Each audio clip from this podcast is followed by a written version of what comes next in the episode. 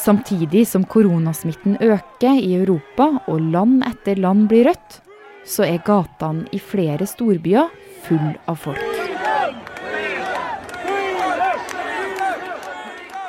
De går tett i tett, og ikke ett munnbind er å se. Mens noen holder banner der det står 'stopp vaksinen', går andre med høyreekstreme symboler. Andre igjen bærer regnbueflagget og bilder av Gandhi.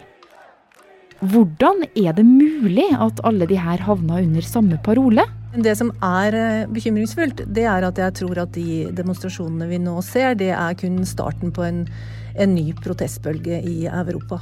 Det er en grunn til å være bekymra, fordi dette er mennesker som bruker veldig mye tid og energi på å bekjempe de tiltakene myndighetene prøver å gjøre for å redde livene våre. Det her er forklart fra Aftenposten. Jeg er Marit Eriksdatter Gjelland, og i dag er det onsdag 9. september.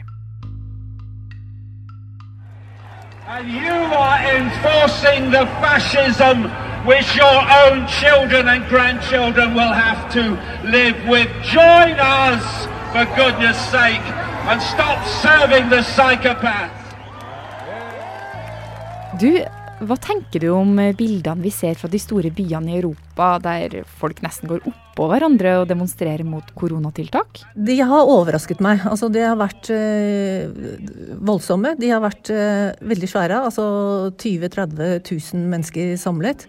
Eirin Hurum er Aftenposten sin europakorrespondent. Og det som har, eh, har voldt politiet mye styr der, er jo at eh, mange av dem tror jo ikke på korona i det hele tatt. Sånn at eh, de har jo blåst i å holde avstand, de har blåst i å, å ha på seg munnbind. Så det har vært liksom Det har vært en fryktelig krevende situasjon for politiet.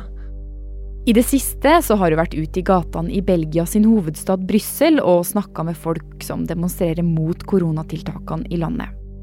Belgia er et av de landene som ligger øverst på den dystre lista over koronadødsfall per innbygger i verden. Og for å få kontroll på covid-19-smitten har de, som så mange andre land, vært nedstengt. Og det har ført til sinne. I den demonstrasjonen jeg var i Brussel, så snakket jeg bl.a. med en kvinnelig lærer. Eh, hun mente at myndighetene nå bare lyver, mest opptatt av å beskytte sterke og mektige innen politikk og næringsliv og, og helsevesen.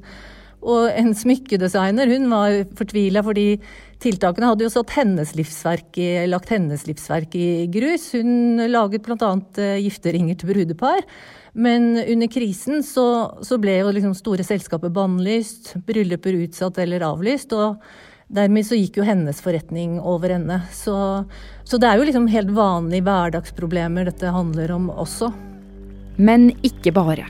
I demonstrasjonene finnes også vaksineskeptikere, høyreekstreme, venstreekstreme og konspirasjonsteoretikere. Og det ser man ikke bare i Belgia, men i byer over hele Europa. Det har jo vært Berlin, det har vært Dublin, det har vært London, Paris, Madrid. Altså, og, de, og, de, vokser hele tiden. Um, og eh, som sagt, vi snakket jo om at det var, var, eh, det var veldig lite sånn felles organisering. Men det er noen, eh, noen protester som har de samme på en måte bakmennene, eller bakgruppene. Eh, blant annet en organisasjon i i, eh, som begynte i Nederland, men som også sprer seg, som heter eh, virusvansinn. Altså virusgalskap. Og det sier jo ganske mye om eh, hva dette handler om. Men du, Eirin, altså, hvem er demonstrantene, og sånn konkret, hva er det de demonstrerer mot? Det man ser nå, er en eh, ekstremt beroket forsamling, og det er et sammensurium av uh, argumenter. Og for å ta noen av dem, altså mange er rasende på politikerne. Andre kritiserer helsemyndighetene, som, som rådgir eh, politikerne. Uh, mange mener at legemiddelindustrien står bak. Og jo flere som vaksinerer seg, jo mektigere blir de. Og andre igjen mener at restriksjonene bare gagner de rike, og at det er de fattige som må betale prisen. Og så eh, finnes det en, si en salig blanding av eh, vaksinemotstandere og folk som ikke tror det finnes noe eh, koronavirus. Her i Norge har det ikke vært protester mot myndighetenes håndtering av pandemien ennå. Det forklares med at koronaen ikke har ramma oss så hardt som mange andre land. Men òg at vi har stor tillit til dem som styrer landet.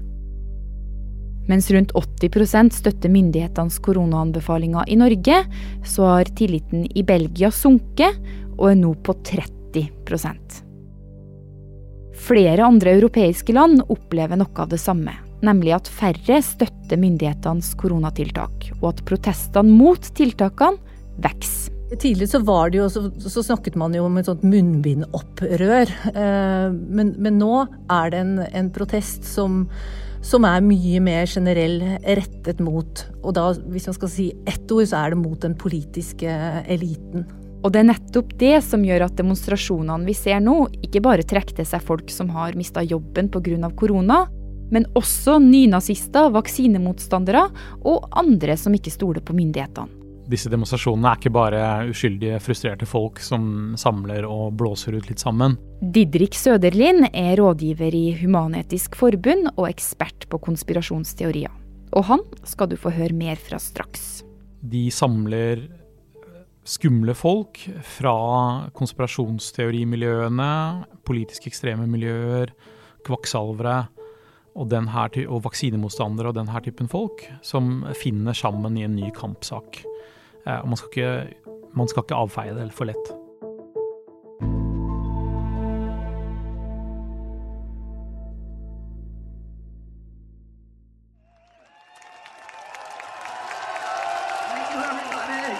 «30 000 demonstranter i Berlin står samla foran en stor scene.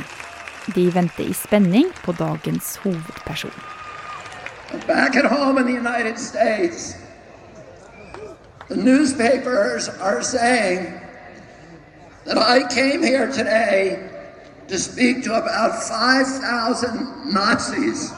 Robert F. Kennedy jr. er nevøen til den tidligere amerikanske presidenten John F. Kennedy. Og Robert han driver også med politikk. Men har gått fra å være miljøaktivist til bl.a. å bli vaksinemotstander. I see people who love democracy. Jeg ser mennesker i demokrati liker. I Berlin så snakka han om demokrati og frihet til stor applaus. Regjerungen liker pandemien.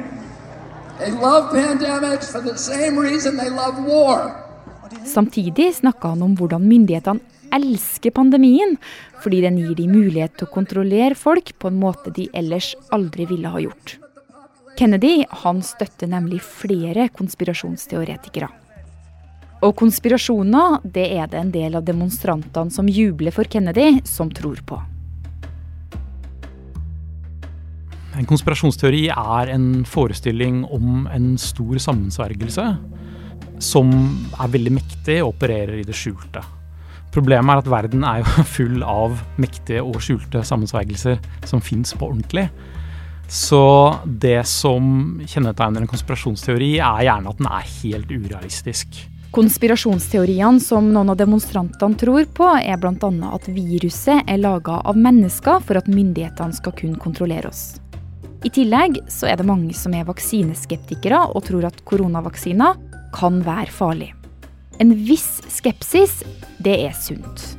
Men idet du tror på en konspirasjonsteori, så blir du rett og slett litt for skeptisk.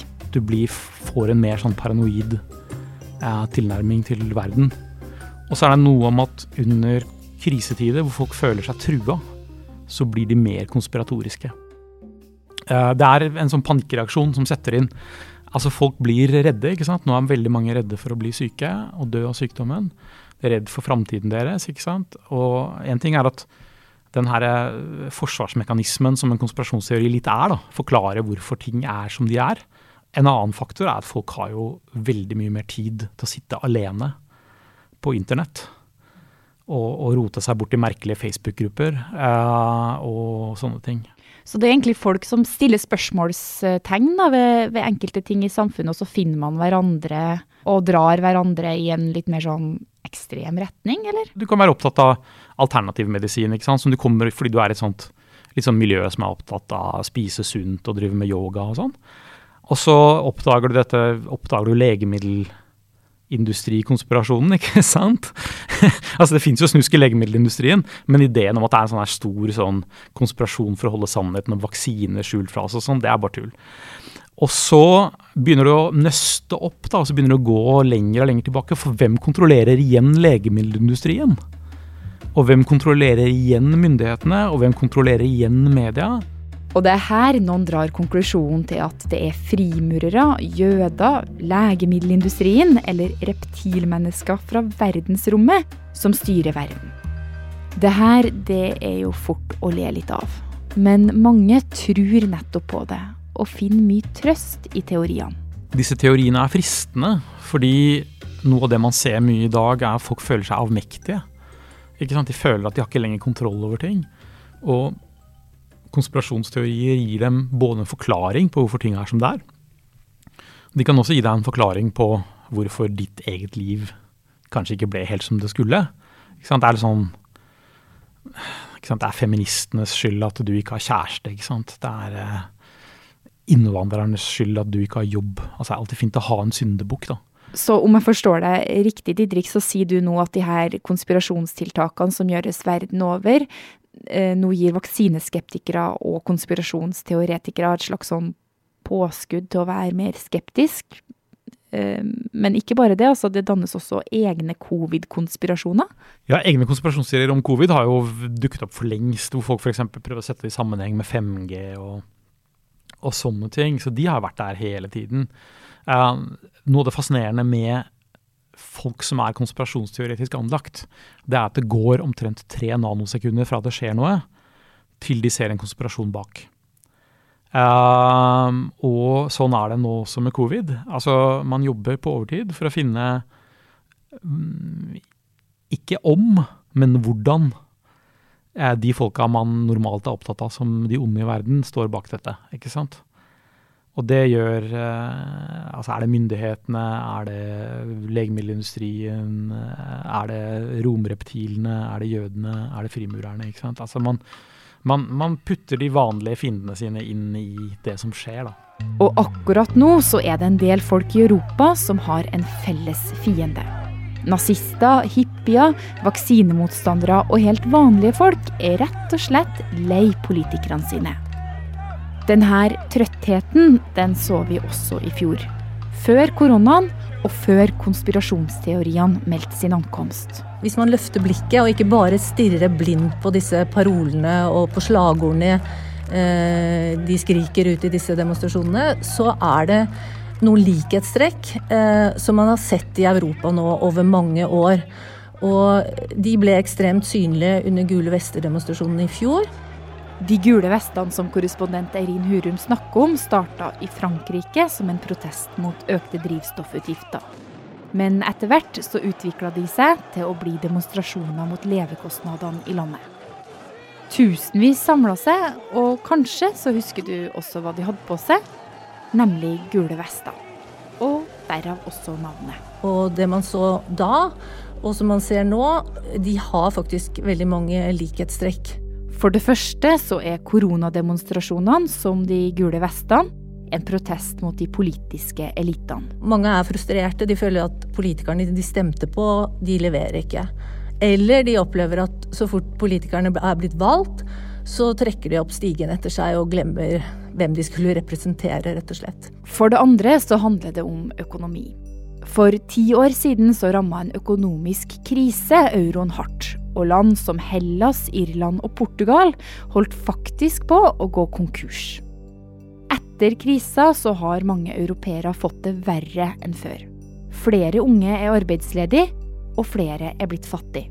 Og denne gruppa de rammes nå også av koronatiltakene. Og eh, for det tredje så har det politiske systemet som vokste fram etter annen verdenskrig, det er rett og slett forvitra. Så de sosialdemokratiske partiene i Europa de ligger med brukket rygg. Eh, sentrum er nesten forsvunnet. Liberale verdier er, liksom, de er helt utydelige, egentlig. Uh, og i stedet så har liksom, populistiske partier vunnet fram. Og med dem en veldig mye sterkere polarisering. Så hvis du skal summere opp da, alle de her tre, tre tingene du trekker fram nå, hva er det de, de fører til? Nei, jeg, jeg, tror som sagt at, at igjen så, så, kommer vi til å se en, en økende uro i Europa utover høsten, kanskje neste år. Altså en en situasjon som eh, hvis det nå kommer en ny bølge med smitte, som vi ser eh, konturene allerede, så kan vi, kan vi gå mot en, en, veldig tøff og krevende høst og vinter. Eh, både for politikerne rent sånn helsemessig, økonomisk, men eh, også i forhold til at de ikke får folk med seg, rett og slett. Som kan bli en veldig eh, vanskelig situasjon, faktisk.